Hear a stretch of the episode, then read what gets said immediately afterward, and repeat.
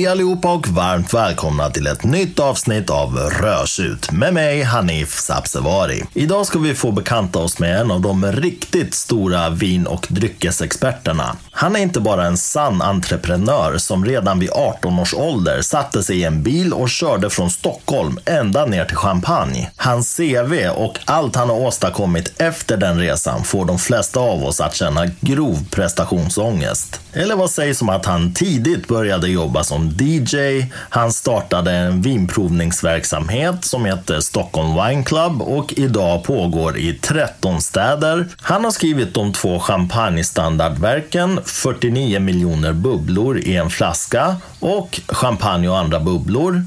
Han startade champagnesajten bestchampagne.se samt mat och vindryckessajten dinvinguide.se. Han skriver även om vin och dryck i Aftonbladet och håller provningar i sitt eget namn och så vidare och så vidare. Trots att han alltid är väldigt upptagen går det inte att ta miste på hur extremt generös han är. Han svarar alltid snabbt och proffsigt på alla frågor, tar sig gott om tid för sina gäster och sätter alltid mottagaren i första rum. Det är svårt att inte imponeras av och glädjas åt hans framgångar. Det finns många som jobbar hårt, men det är inte alla som lyckas med det som han har åstadkommit. Och under den kommande timmen ska vi höra honom själv berätta om sitt professionella liv fram till idag. Det är med oerhört stor glädje jag har nöjet att få presentera dagens gäst. Fredrik Schelin.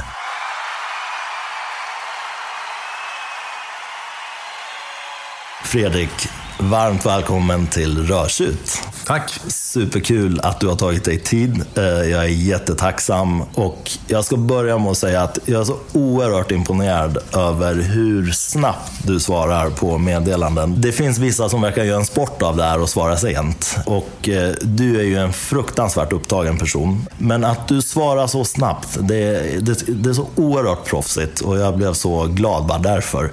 Så det ska du ha stort tack för och superkul att du vill vara med här. Ja, såklart. Tack själv. Nej, men svara snabbt måste man göra, med respekt för sin egen och andras tid. Tycker jag att det är viktigt att, att respondera i, i alla fall så snabbt man hinner. Det kan vara lite svårare på resa, men å andra sidan idag när vi sitter med alla, alla mobiler och allt vi har. Så det tar ju längre tid tror jag att sätta sig och gå igenom gamla saker. Det är bättre att nöta på direkt. Jag håller helt med dig, men det är som sagt eh, i min bransch också, musikbranschen, så som sagt, vissa verkar göra en olympisk gren av det här att, att eh, svara sig. De, det verkar vara någon sån här prestigegrej också, att jag är så upptagen så jag hinner inte svara. Exakt. Och, och alla vet att folk sitter med sina skärmar dygnet runt, så att Ja. det blir bara fånigt. Men, men, äh, men verkligen imponerande. Jag blev så himla glad bara därför. Ja, tack. Jag brukar ju alltid göra så här i de här personporträttavsnitten då, att jag försöker hitta den första tidpunkten eller minnet eller händelsen i, i eh, personens liv där det här intresset för dryck och för vin börjar. Finns det en sån startpunkt? Det finns en väldigt tydlig startpunkt för mig och det, det låter nästan som att det är en påhittad historia. Jag fick, jag fick faktiskt den kommentaren häromdagen. Det där låter lite putsat. Men det är faktiskt så att som tonåring så lagade jag väldigt mycket mat hemma. Jag har alltid varit intresserad. Jag har också en bana med, med mat bakom mig. Eh, och mat och dryck hänger ju ihop, som vi vet. Ehm, och för mig var det redan som tonåring ganska ointressant med alkohol. Det är klart att man testar när man är tonåring och, och sådär, men det var ingenting som fastnade. Det var surt och det var tråkigt och jag var inte ute efter att bli full. Eh, sen som 17-åring så hjälpte jag till att servera på ett bröllop. Och fick eh, tillgång till att prova champagne för första gången. Och då hände det någonting hos mig. Det var, det var någonting helt annat. Lager efter lager av smaker, mossen som fräschar upp och otrolig syra. Jag kände ju direkt, det här och mat, det är någonting som hänger ihop. Och just den här imponerande bredden i både smak och doft. Eh, så samma, samma år fyllde jag 18 på sommaren och då satt jag med bilen och åkte ner till Champagne. Det var mitt första besök. Så det, det är mitt eh, tydligaste och starten på allt och tydligaste minnet. Tyvärr så kommer jag inte ihåg vilken champagne det var jag provade. Det har jag liksom, det, man var för ung så man noterade inte sånt. Man var bara passionerad. Eh, men jag gissar att det var ett av de stora märkena som var, jag är ändå 50 i år så det var ju, var ju ett tag sedan. Eh, som var etablerade då på svenska marknaden. Idag har vi mycket större utbud. Men det var häftigt. Det är ju helt otroligt. Och, och ännu mer otroligt att du i 18 års ålder bara satt där och körde ner då, i bil. Ja. Nördig redan då. wow. Alltså jag kan ju känna igen det där när man tänker på när, när man själv får den här extrema ha-upplevelsen. Det är ju på något vis som att hjärnan blir frånkopplad och passionen bara helt tar över. Men, men vad gjorde du då när du kom ner där? Då?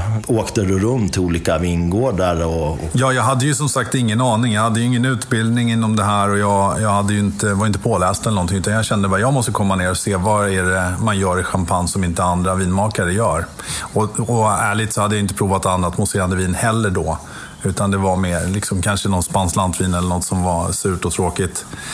Ehm, så jag kommer ner eh, och då var ju inte turismen uppbyggd på något sätt. Det var ju knappt att de var vana att ta emot folk. Ingen kunde engelska och jag kunde ingen franska. Men jag brukar säga det, är man själv en glad fransman i sinnet så brukar det lösa sig. Man får vifta och peka och till slut så, så förstår man. Ehm, så jag åkte in på olika vingårdar och bara liksom bonjour. Ehm, kan vi göra något? Vad gör du där borta i den där tanken? Och, nej, så, det, så började det. Och sen har det ju varit, jag har ju rest till Champagne sedan dess nästan tio gånger om året. Ehm, och också vuxit upp med den nya generationen som var lika gamla som mig. Och, och, som idag pratar ju alla engelska där, så nu är det en helt annan sak. Så då har jag också blivit lat, så jag har inte behövt lära mig franska. Nej, just det. Just det. Nej, jag hade gärna pratat franska, men det är ett, ett eh, ganska svårt språk och jag är alldeles för rastlös för att sätta mig i skolbänken igen. Så att eh, det funkar. De brukar säga det, vinmakarna. Du, eh, Lita inte på Fredrik nu, han förstår precis vad vi säger. Han kan bara inte prata franska. Och det stämmer ju. Ja, ja. För man har ju lärt sig under åren att, att snappa upp, framförallt när man pratar om vin. Ja, snappa upp allting. då gjorde du den här resan och eh, sen kom du tillbaka till Sverige då. Eh, vad hände sen? Vad är nästa håll, hållpunkt? sen var det väl, alltså jag pluggade ju såklart, precis som alla gör eh, i den åldern. Och pluggade, skulle bli ingenjör. Och jag hade en anledning till det, för jag ville bli stridspilot. Jaha. Ehm, och jag var, var väldigt nära. Jag var även med i frivilliga flygvapnet som ung och hade liksom målet verkligen, eh, det var på siktet kan man säga. Ehm, och sen i slutet av min eh, grundutbildning så köpte försvaret in JAS. Och JAS cockpit så får man inte vara längre än 1,88, i alla fall inte då. Jag är 1,90, så där följer den. Och då tyckte de att ja, men du kan alltid bli så skolpilot och man bara, men... vill man köra golf om man vill ha en Ferrari? Nej, det går inte. Nej. Så då, eh, då valde jag faktiskt att eh, börja jobba med min stora hobby då. Eh, ganska liknande din. Mm. Jag var discjockey och hade varit i många år som, det var en stor hobby, musikintresserad också. Mm. Och då startade jag en discjockeyfirma och så hade jag sju anställda och så jockade jag runt Stureplan överallt, nattklubbar och producerade lite musik också mm. på den tiden. Och parallellt med det här då så, så började jag ju, eftersom man jobbade nätter och helger så kunde man lägga mer tid på att eh, dels laga mat som jag alltid har gjort och sen eh, prova vin och, och resa och eh, lära sig den vanliga vägen så att säga genom att besöka vingårdar och prata med vinmakare. Sen vid 23 års ålder så um, ringde en krögare till mig där vi bokade discjockeys och sa att han skulle sälja. Och då stod jag och funderade sen så kände jag, kan man jocka plattor när man är 40 bast? Tydligen kan man ju det, för många av mina vänner gör det fortfarande. Men jag kände väl att ja, det kanske inte är någon framtid. Ja, men eh, okej. Okay. Så jag köpte en krog. Ja. Jag hade ingen aning om vad jag gav mig in i, men 95 så köpte jag eh, min första krog. 96 så ringde jag syrran. Du, jag behöver hjälp. Det här är, det är för mycket för en. Så att 96 så startade vi och för, det första jag köpte var en festvåning. Mm.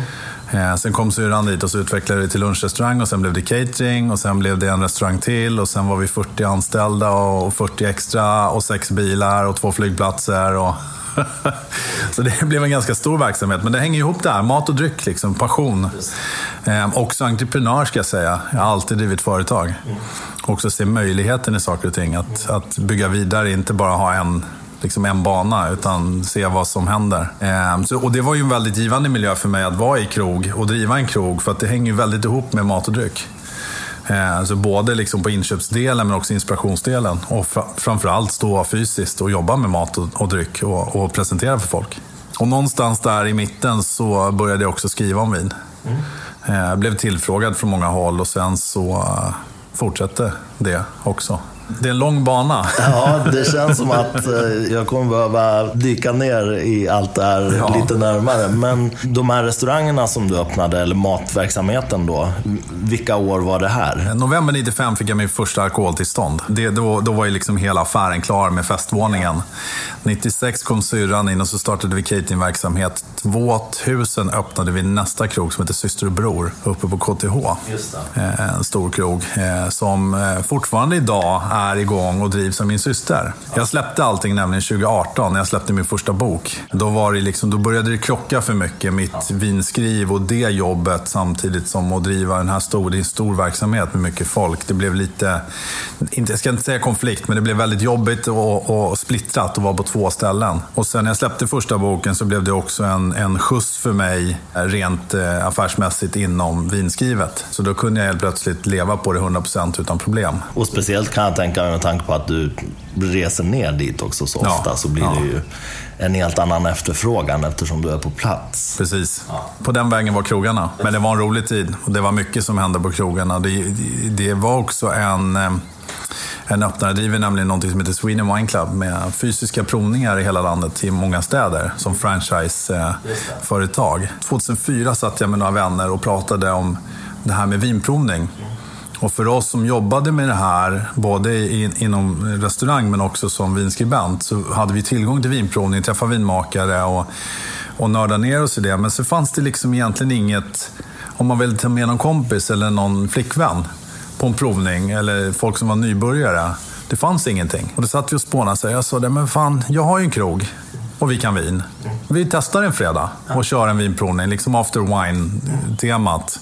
Och tänkte så här, det kanske kommer 15 pers. Vi behöver en flaska varje, några olika druvor. Men det kom 70 pers. Och då kände jag som entreprenör, bara vänta nu, här är någonting som behövs. Det här är någonting som folk har ett sug efter. Så då startade vi Stockholm Wine Club. Började köra regelbundna provningar, eh, byggde en hemsida.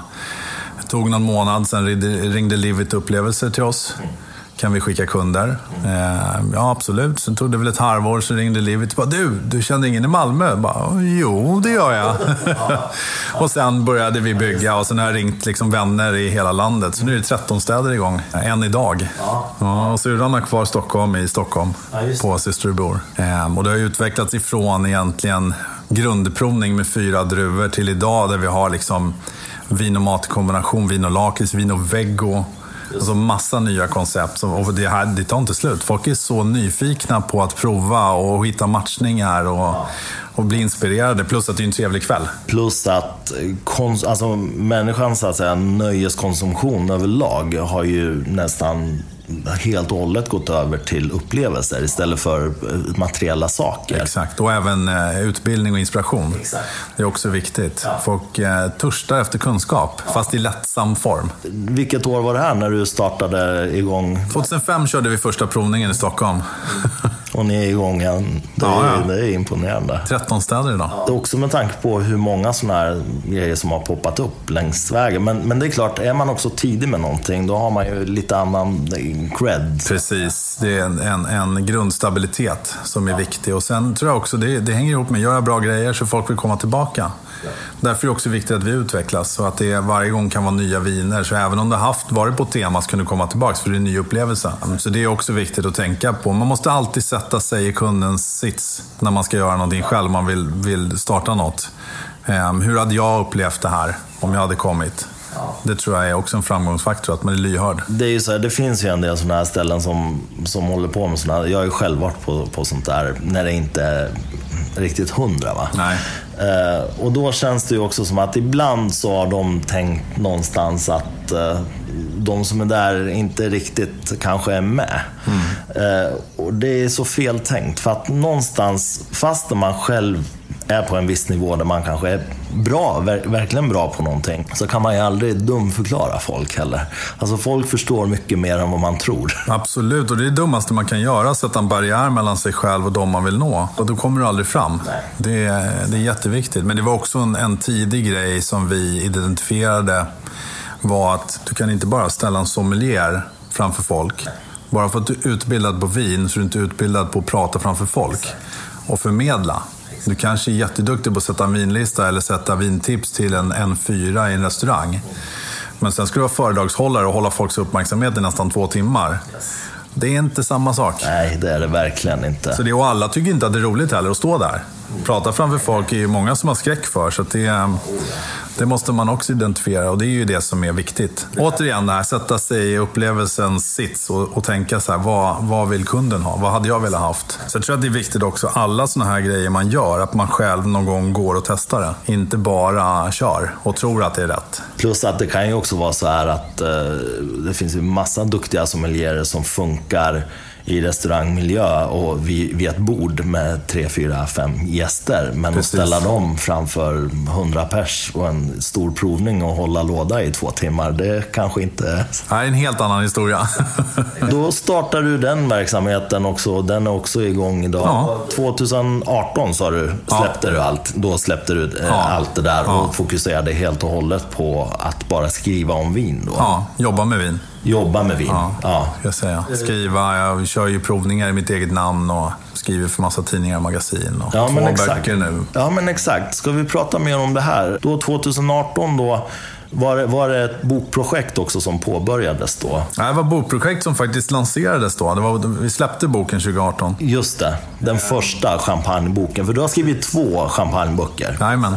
Första boken var också, det var en sån här grej. För många, många år sedan eh, i restaurangverksamheten så hade vi en eh, cateringkund som vi jobbade med. Vi hade också en filial i deras fastighet. Jag ska inte nämna vilken för det är en, det är en statligt ägd eh, myndighet.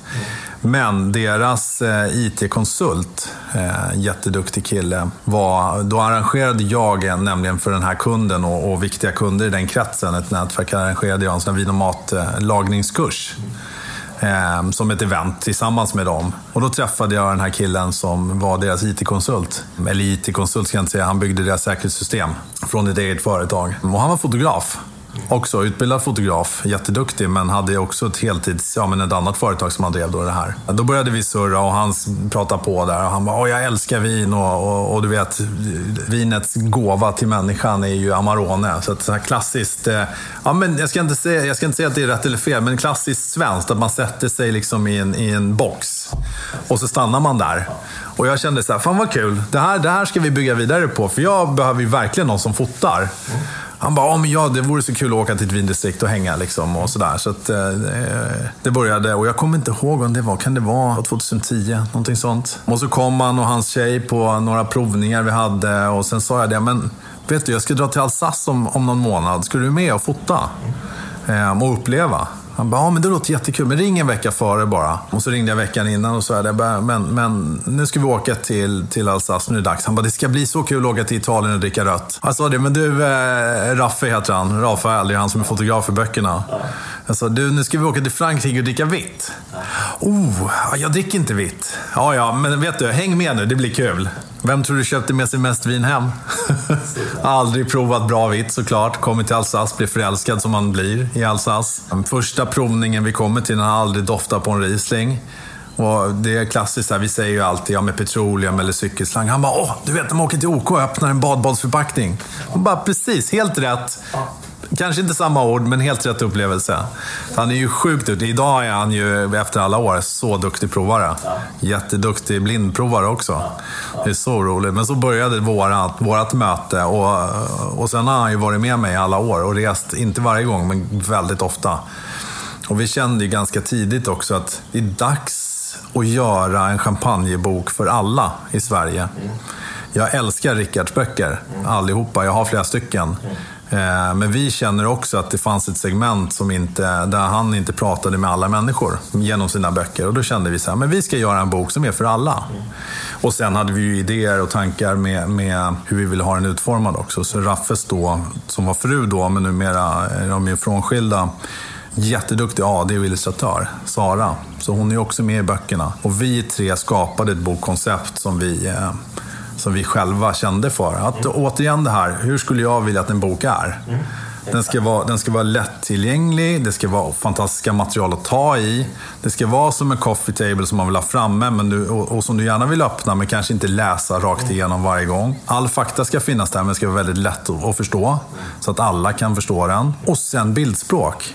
Det ska vara en vacker bok med mycket härliga bilder som inte bara är gröna vingårdar. Och som ett exempel, eh, traditionell metod. Varför skri- det är klart att den är beskriven i text.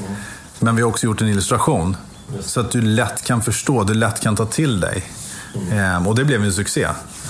Ehm, den första boken som heter Champagne 49 miljoner bubblor i en flaska. Just det. Så bara det blir ju en snackis liksom. så den översattes till engelska och den har sålt ända fram till faktiskt januari i år. När den tog slut på lagret för sista upptrycket.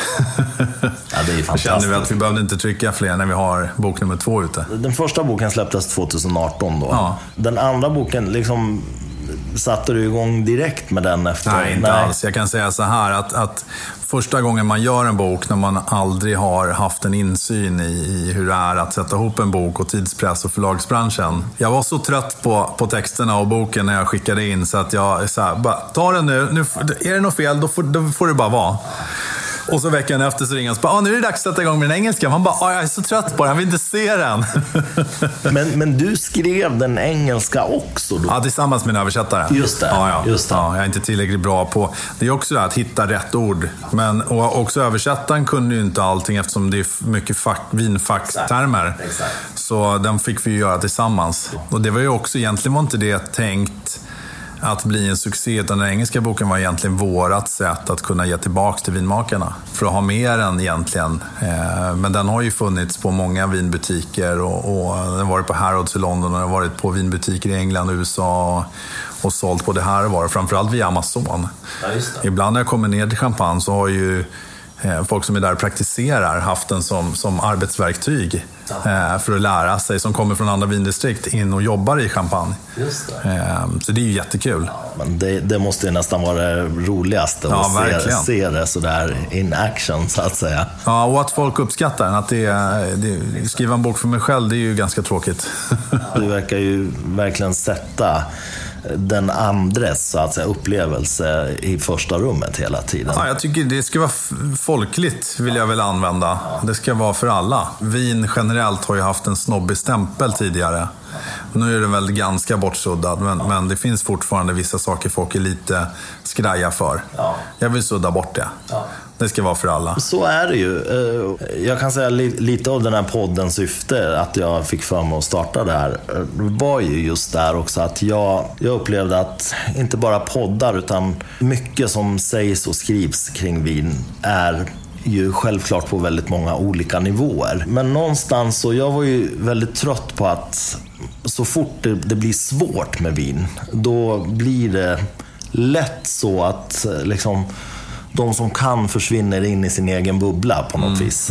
Och jag vill hävda att det går att förklara precis vad som helst. Du kan ta strängteori eller vad som helst. Det går att förklara på ett Verkligen. vettigt sätt. Ja. Och, och kan man göra det, då ska man göra det. Ja. När jag växte upp, min pappa sa alltid så här.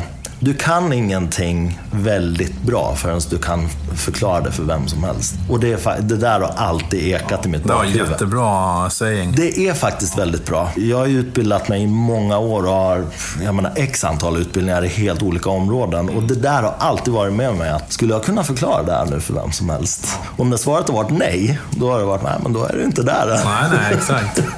Och det är ju väldigt bra, men det är ju precis som du säger det här med att, att och nördarna kan gå in i sin bubbla.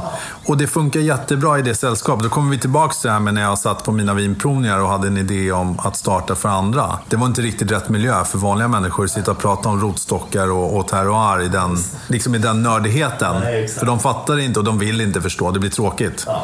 Då måste man hitta en annan miljö där man kan prata på lika villkor. Ja, exakt. Likadant som folk som skriver. Eh, Vi är ju i Vinskribenternas förening. eh, Jag tycker folk är jätteduktiga, men jag är också lite kritisk konstant. För att man kan inte... Har du doft av äpple? Absolut, finns en doft av äpple. Men vet du, vi är en svensk äppelnation. Du kan ta det ett steg längre. Du kan beskriva åtminstone färg. Sen kan du också beskriva i vilket tillstånd den är. Hänger den på trädet? Är den solvarm? Är den boken? Då kommer det så mycket närmare folk att förstå exakt vad vinet ger för, för aromer. Ja. Så det är att hela tiden tänka precis som du tänker också, men också att utmana sig själv. Att ja, men vänta, okej okay, äpple, men vilket äpple? I vilken form? Likadant med citrus. Alltså ta det vidare så att det blir förståeligt. Jag vet själv att jag kan trilla i den där fällan hela tiden. Jag försöker ju vara väldigt exakt i mina beskrivningar, men plus att man har ju inte allting aktivt.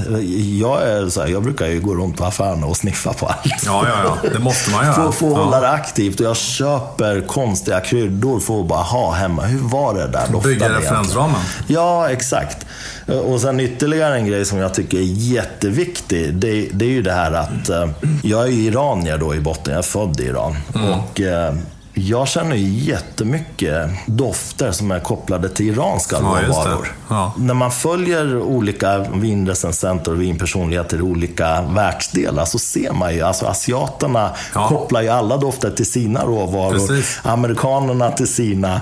Och vi svenskar har ju liksom, jag menar så ofta som man läser lingon i Sverige. Det är ju ingen, ingen utanför Nej, Sverige det finns som... inte. Nej, exakt. Så att det där är ju också väldigt spännande. Ja, men det är lokalt. Ja. Det är det. Och det får man ju tänka på internationellt. Men eh, det är också väldigt spännande för det ger ju en, en helt annan bild. Det blir en helt annan vinkel.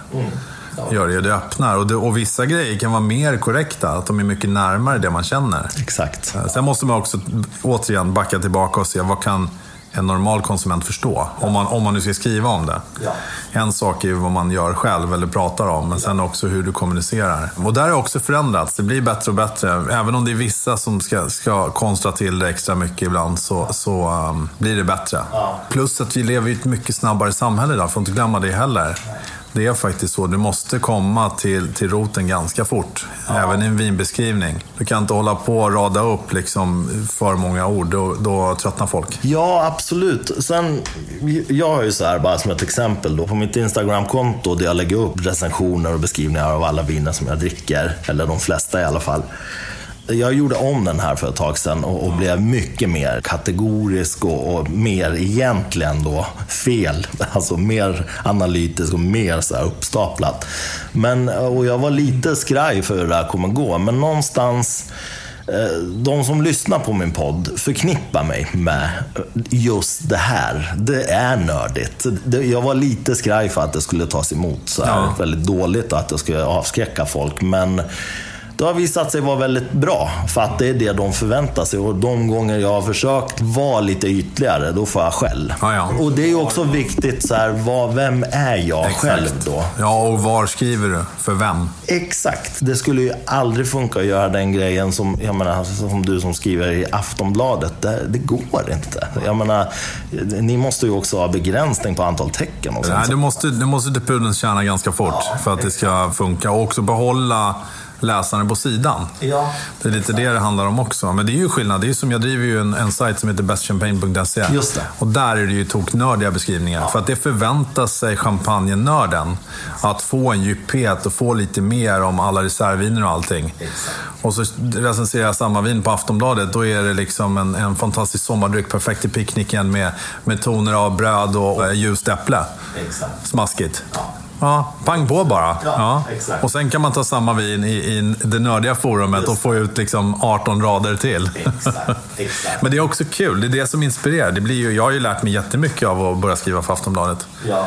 Man får ju vara mycket, mycket snabbare. Ja, absolut. Jag recenserade ju film, teater och musik på UNT när jag, bodde- när jag pluggade i Uppsala. Och det, det var en bra skola, för samtidigt så skrev jag på min doktorsavhandling. Och det var ju liksom en helt Man annan... lär det med svenska på ett helt annat sätt. Ja, men exakt. Man fick lära sig ett och annat när man var tvungen att skriva till en allmän publik och när det är begränsat. Då. Ja, exakt. Det svåraste som finns, det är att skriva kort. Det är ju det.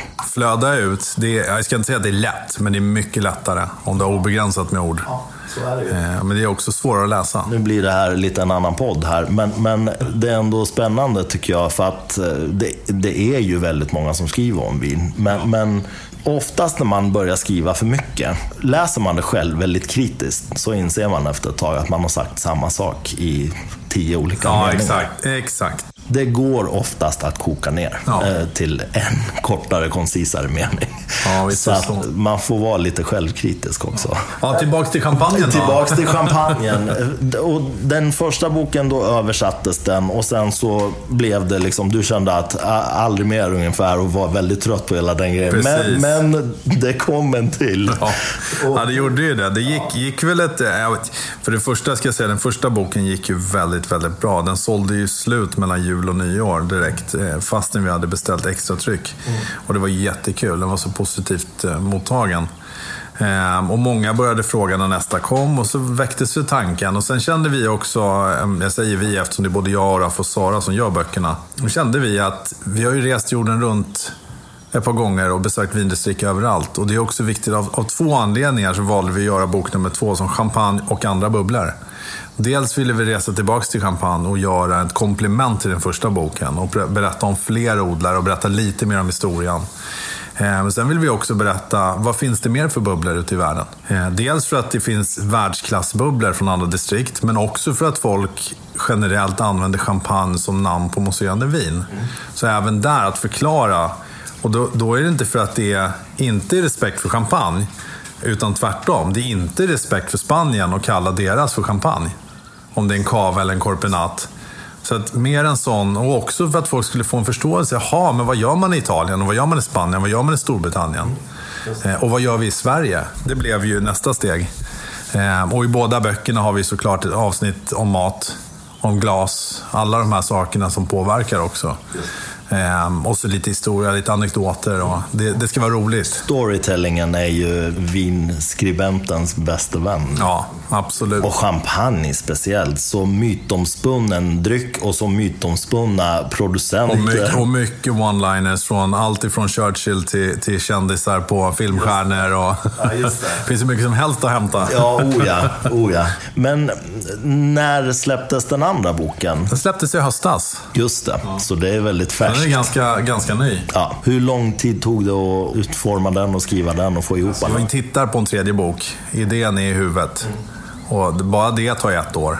Att liksom samla och, och hitta en, en nästa vinkel och hur, hur den ska utformas. Vi var ganska klara direkt att vi ville också berätta om andra vindistrikt och andra vinmakare till, till bok nummer två. Eh, Men vi ville också resa tillbaka till Champagne, för det är hemmadistriktet och det är den största kärleken. Ja, det tog nog faktiskt ända fram tills den släpptes nu. Vi satt ju in i det sista och gjorde ändringar. Vi hade ju en idé om att det skulle vara en serie, så det skulle vara samma formatmall, samma känsla i materialet. Så att det jobbet var ju redan gjort. Det var mer det här, okej, vad ska vi få in? Och få in det i, rimlig form. Det vart några färre sidor än bok nummer ett, men det var ju också för att pappret gick ju upp så otroligt i pris. Så vi var tvungna att försöka få in mer på, på mindre yta. Så att det var ju också kämpigt att behöva pruta på vissa saker. Men det är också bra, för att får man en utmaning så det blir, blir oftast bättre i slutändan. Nej, så jättekul. Så den, den är ute nu, så får vi se vad nästa blir. Jag har en idé. Ja, det tror jag alldeles säkert. Jag har ju förstått att du är en man av idéer, så att eh, det blir inga lugna stunder. Nej, det blir det inte. Sen är det ju här, bok är ju faktiskt, jag ska vara helt ärlig, bok blir man inte rik på. Man ska vara glad om det går runt. Speciellt inte med den investeringen man petar in med resor och annat. Däremot så är det ett väldigt bra visitkort och det är också ett sätt för oss att betala tillbaka till alla fina besök vi har haft genom åren. Och alla, alla människor vi har mött på vingårdar som, som bjuder ut liksom hela sitt liv och sin kunskap och sina produkter som är ganska dyra. Och sen är det kul att sprida det vidare. Som gammal litteraturvetare, då, det, det jag skrev min avhandling i, så är det ju så här, böcker är något annat än att sitta och läsa på en skärm.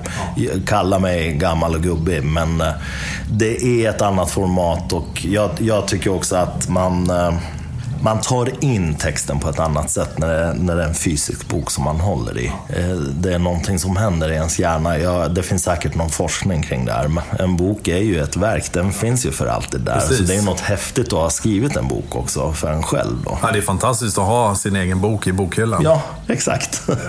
Och det är väldigt kul, om man ska vara lite så, det är väldigt kul när man kommer ner till Champagne och man ser den engelska ligga här och var. Det är jätteroligt. Förhoppningsvis är det någon som bläddrar i dem också. Det tror jag alldeles alldeles säkert. Fransmän brukar inte köpa grejer för sin skull. Nej, exakt. Men om man försöker få en överblick över alla verksamheter och allting som du har gjort. Är, är det här allting eller har du glömt något? Är det något annat du har startat som du har glömt att berätta om? Ja, det är det säkert. Jag har, har, vi har ju hållit på med så mycket roliga grejer, både inom mat och dryck. Jag, jag jobbar ju även numera och skriver recept för, för lite olika, som köket.se och lite sådana. Ja, jag försöker hela tiden kommunicera in maten också i vinet. Ehm, och få svenskar att, att lägga ner besticken ibland när vi äter och smaka på vinet också. Just det, just det. Inte bara före och efter. Ja, för du skriver i din vinguide också. Ja, det är min. Eh, ja, den har jag också startat. Exakt, det, det var det jag tänkte komma till. Det är helt otroligt. Ja, men det var också en sån här idé. Det startade faktiskt med vin-tv eh, på YouTube. Jag har en, en nära vän också som, som jobbar med tv-produktioner och, och började med digitala tv-produktioner ganska tidigt, samtidigt som han var på, på en linjär kanal. Eh, så ringde han mig. Men du Fredrik, jag kan, jag kan ju TV och, och, YouTube och du kan vin. Ska vi inte göra något? Och då startade vi Wine TV Show på YouTube, men det var ju före smartphonen. Ah. Det var ingen som kunde titta Nej. annat än på datorn. Så att, och visst, vi fick ju några tusen träffar och sådär, eller, eller folk som tittade, men det var ju så litet. Det var ingenting att bygga någonting på. Det här var i bloggeran, det var så många som bloggade. Och då kände vi så här, ja, men vänta, okej, okay, om, vi, om vi bygger den digitala TVn som den är, fast in på en sajt och sen så bygger vi en bloggplattform runt den, då kommer vi driva mer trafik och så plockar vi på oss lite folk som är duktiga på att blogga, både om mat och dryck. Och då startade vi dinvinguide.se. Och då var det mer som en bloggplattform. Samtidigt så skrev, jag skrev inte så mycket där, för det var i tvn. Och jag skrev ju då för Allt om mat digitalt. Eh, och efter något år hos dem så, jag ska vara helt ärlig, jag tröttnade på dem. För att jag, jag är ju ingenjör som vi pratade om och kodare, så jag kan ju det digitala. Och jag var lite före också i min tid. Mm. Eller i alla fall väldigt pigg på nya idéer och utvecklingar. Så jag försökte få dem att göra vissa saker. Och de var lite, nej de tyckte det, det går inte i vårt format och sådär. Och då kände jag så här, vet ni, jag hoppar av till nyår och så flyttar jag till, till mitt eget och så kör jag själv. Och då, då, då gjorde jag också om din vinguide från bloggplattform till digital magasin. Jag kände bara, nu får vi ett statement här. Och det här var också en era när inte riktigt industrin trodde på det digitala. Utan det var print var det som gällde. Och vi satsade på det digitala eh, och blev väldigt stora ganska fort. Och eftersom vi var först ut så vi har vi ju växt med det genom åren. Ja, för det är ju det är väldigt många som läser. Ja, Det vet jag ju. Ja. Och det är återigen då, du, du var så tidig så att eh, när alla andra hajade grejen, då, de kommer ju aldrig kunna slå där. För att ni har etablerat er, det är ju så oerhört stort. Ja, sen måste man ju hela tiden vara pigg på att förnya sig. Det är ju det också. Vi har ju byggt om plattformen många, många gånger för att komma med i tiden. Det. det. får man inte heller glömma. Man får aldrig fastna i gamla spår. Det är viktigt tror jag, och, och för att nå vidare. Jag tänker, det är, det är ju också väldigt mycket som händer hela tiden. Det kommer ju så otroligt mycket nya appar och nya digitala plattformar hela tiden. Och, och jag har ju alltid trott på det här att ta en idé Ja, men som tar till exempel TikTok. Då. Ja. Ta den idén och så flyttar du över den i ett annat rum. Då, mm. Med ett annat ämne så att säga. Eh, och på det sättet kan man ju bara där komma med helt unika grejer. Bara att kombinera olika Precis. typer av teknologier. Och... Ja, och, och tittarflöden är det också. Hur folk beter sig. Ja. Det, ju, det har ju hänt väldigt mycket sedan jag började.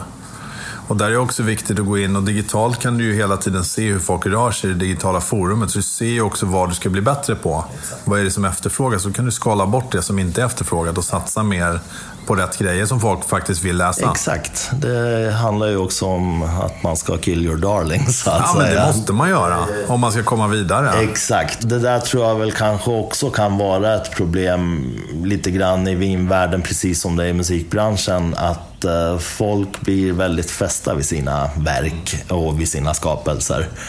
Och jag brukar ibland säga till mina låtskrivare då att eh, de som lever på musik, det är de som vågar kasta. Precis.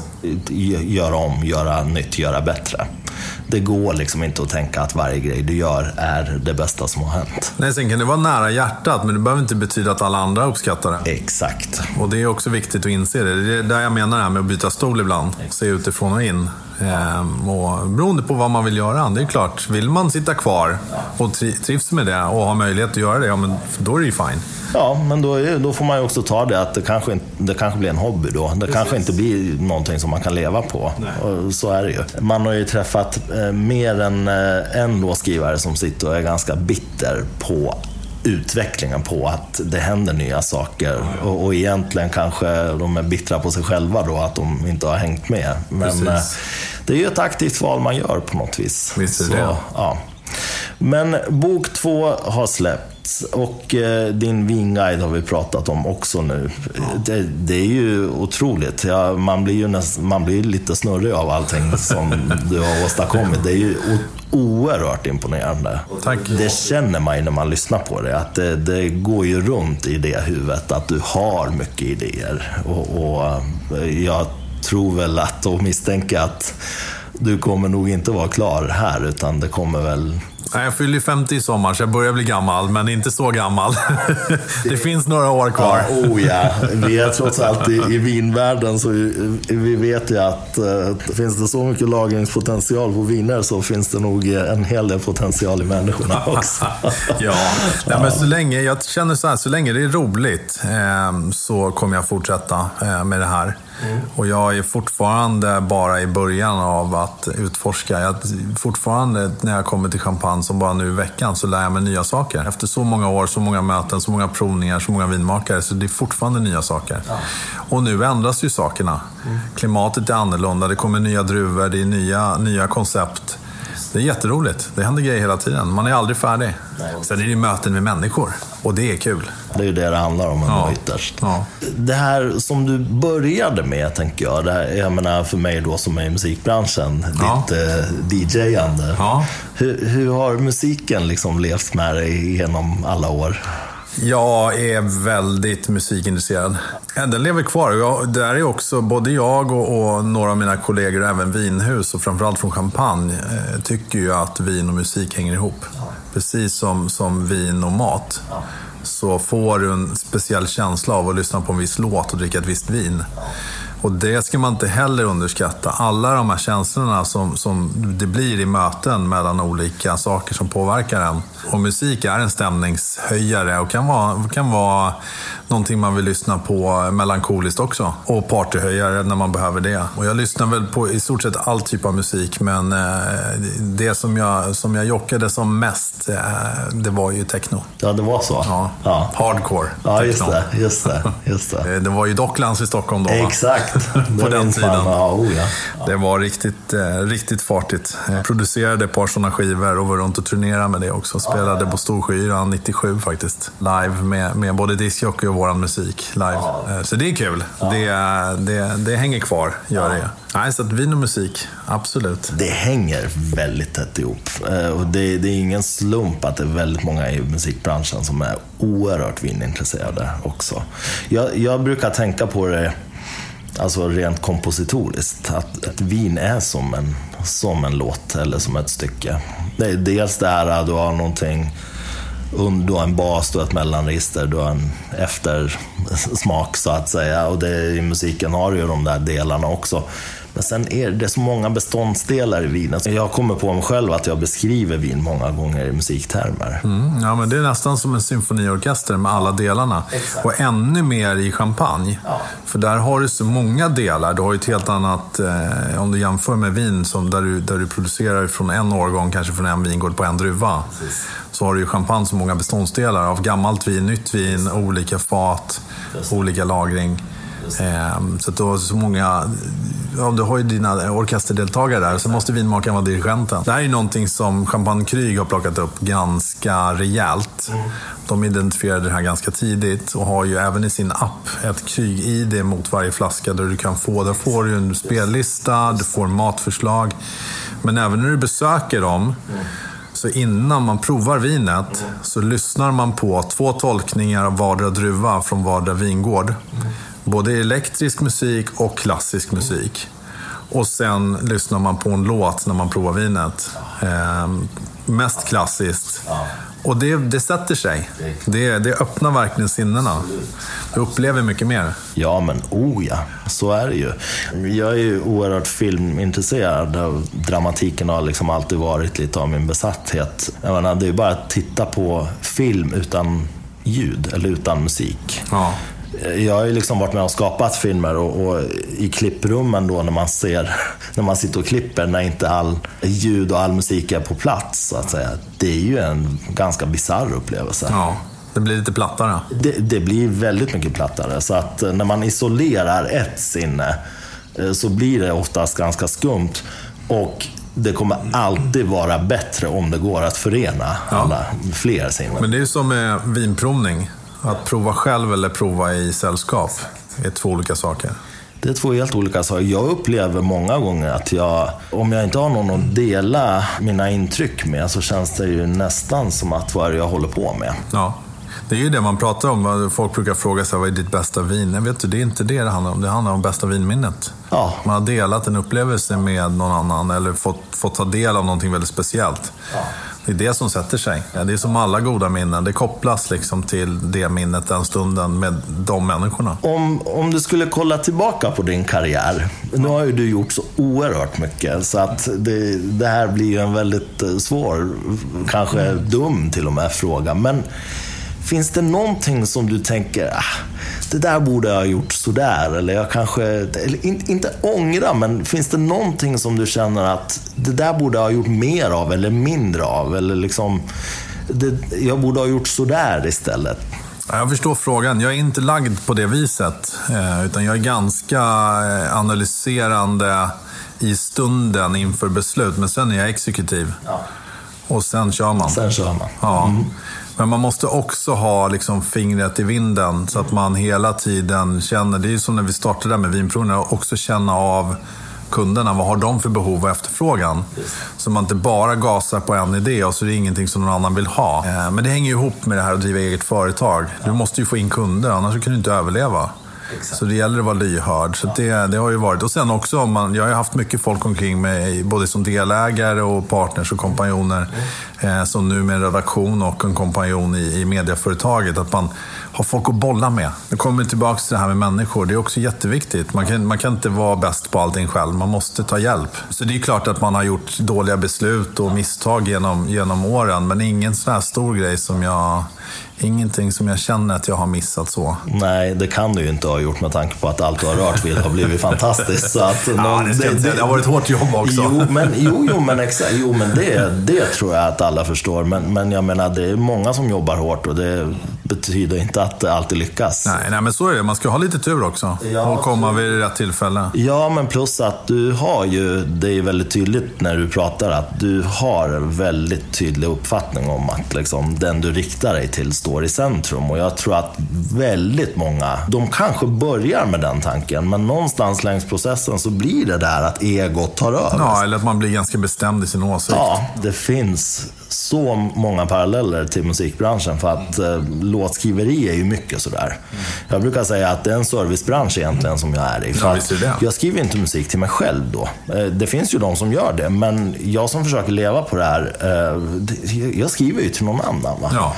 Och det är de som måste vilja ha det här. Annars kan jag ju lika gärna lägga ner. Annars ingen idé. Nej, och då finns ju den här eh, typen av låtskrivare som liksom skriver de tycker att det är fantastiskt, eh, men eh, ingen vill ha grejerna och, och så blir de bittra och, och sura och sådär. Va? Eh, och, och, ingen förstår mig, ingen förstår hur bra det här är. Och... Nej, men det är som på en vinprovning. Ska jag stå och berätta för alla hur bra viner jag provar hela tiden med vinmakarna, då, det handlar inte om mig. Tvärtom. För mig är det också viktigt att de som är på en provning, att de öppnar sina sinnen. Ja. Och folk frågar alltid så här, vad är det bästa vinet? Ja, men vem älskar du mest i familjen? Ja. Det går inte. Exakt. Och tvärtom, fokusera på det vad du har framför dig. Försök att prova det blint och säg sen vad du gillar. Ja men vad kul, nu har du en väg framåt. Nu vet du vad du gillar, vad du tycker om. Och sen utveckla utifrån det. Speciellt när man pratar om champagne så har folk väldigt bestämda åsikter. Det ska vara en välkomstdrink, den ska vara kall och det ska gärna vara i ett flöjtglas. Det är lite så. Och då har man missat halva upplevelsen eller nästan hela. Även om ett glas kallt bubbel i rätt sällskap är trevligt. Jag har ju det här problemet med, med rått vin. Liksom att det är ljumskvarma flaskor som åker fram. Man måste bita sig i tungan. Som det där som du säger, det är ju också rött vin måste ju också tempereras. Och ja. behöver också, vissa behöver luftas och ja. det behöver rätt glas. Men det är ju alla viner. Men jag tror också enda sättet som jag har lärt mig genom åren i min bekantskapskrets. Många var ju väldigt rädda i, i, i flera år. Så, ja, dig kan man ju inte bjuda på middag för du kan så mycket och jag vågar inte köpa vin. Eller, och jag säger det, men gud, jag är väl den som uppskattar en, en hemhackad pyttipanna och glas rödpang. Liksom det.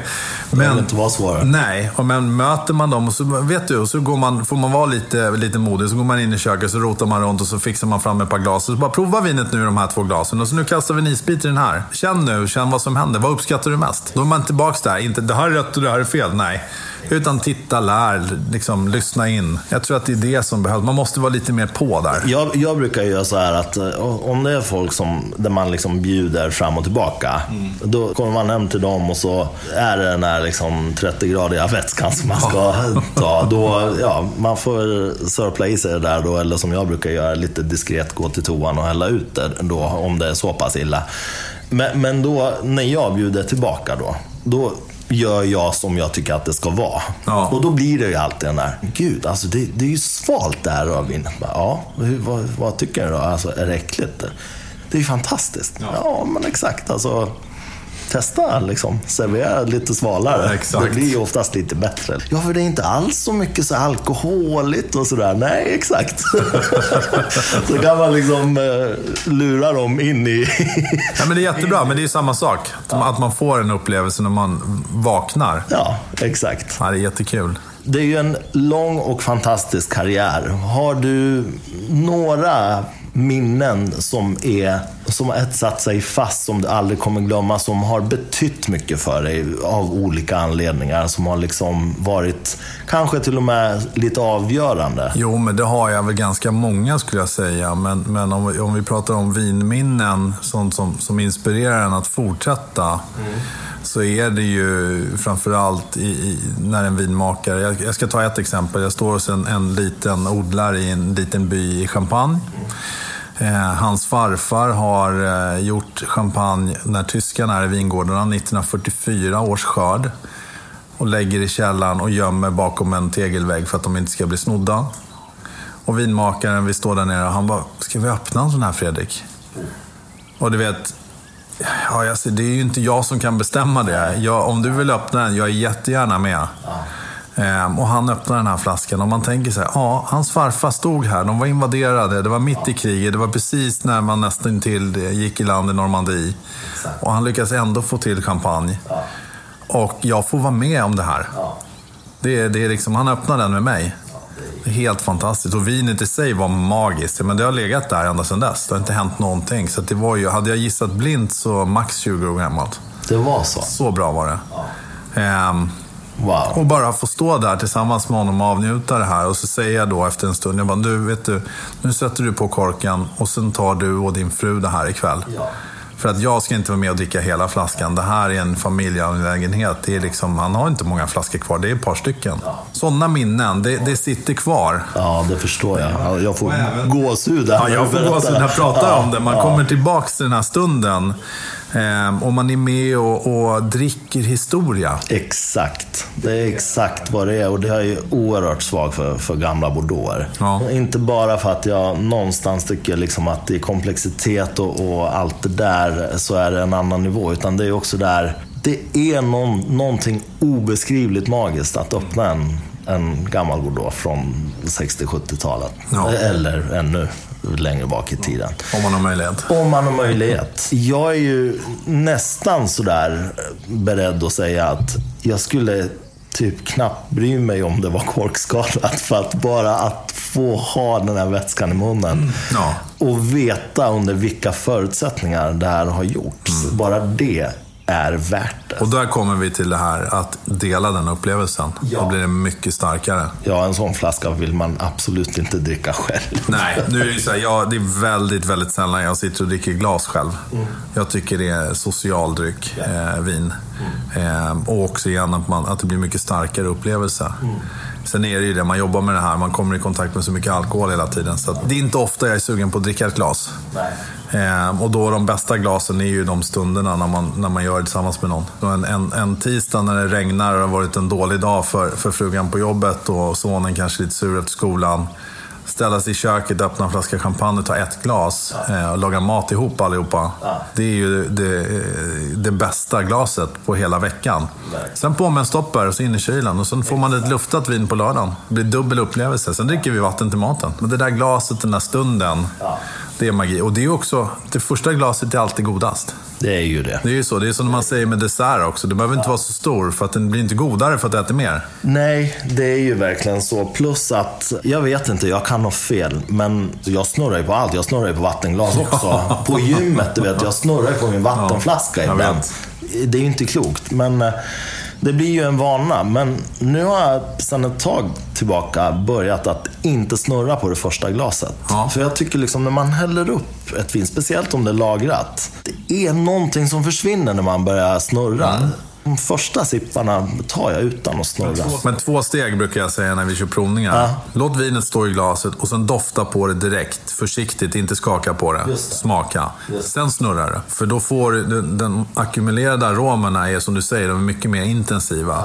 Sen snurrar du, då får du mycket fräschare aromer. Så du får en dubbel upplevelse. Exakt. Och, just, eh, och, det här kom ju med att jag dricker en hel del gamla Bordeaux. Just Ja. för att jag upptäckte att när jag börjar snurra så försvinner en hel del av det där som jag älskar. Men gamla Bordeaux är känsliga. Ja, de är känsliga de för luft.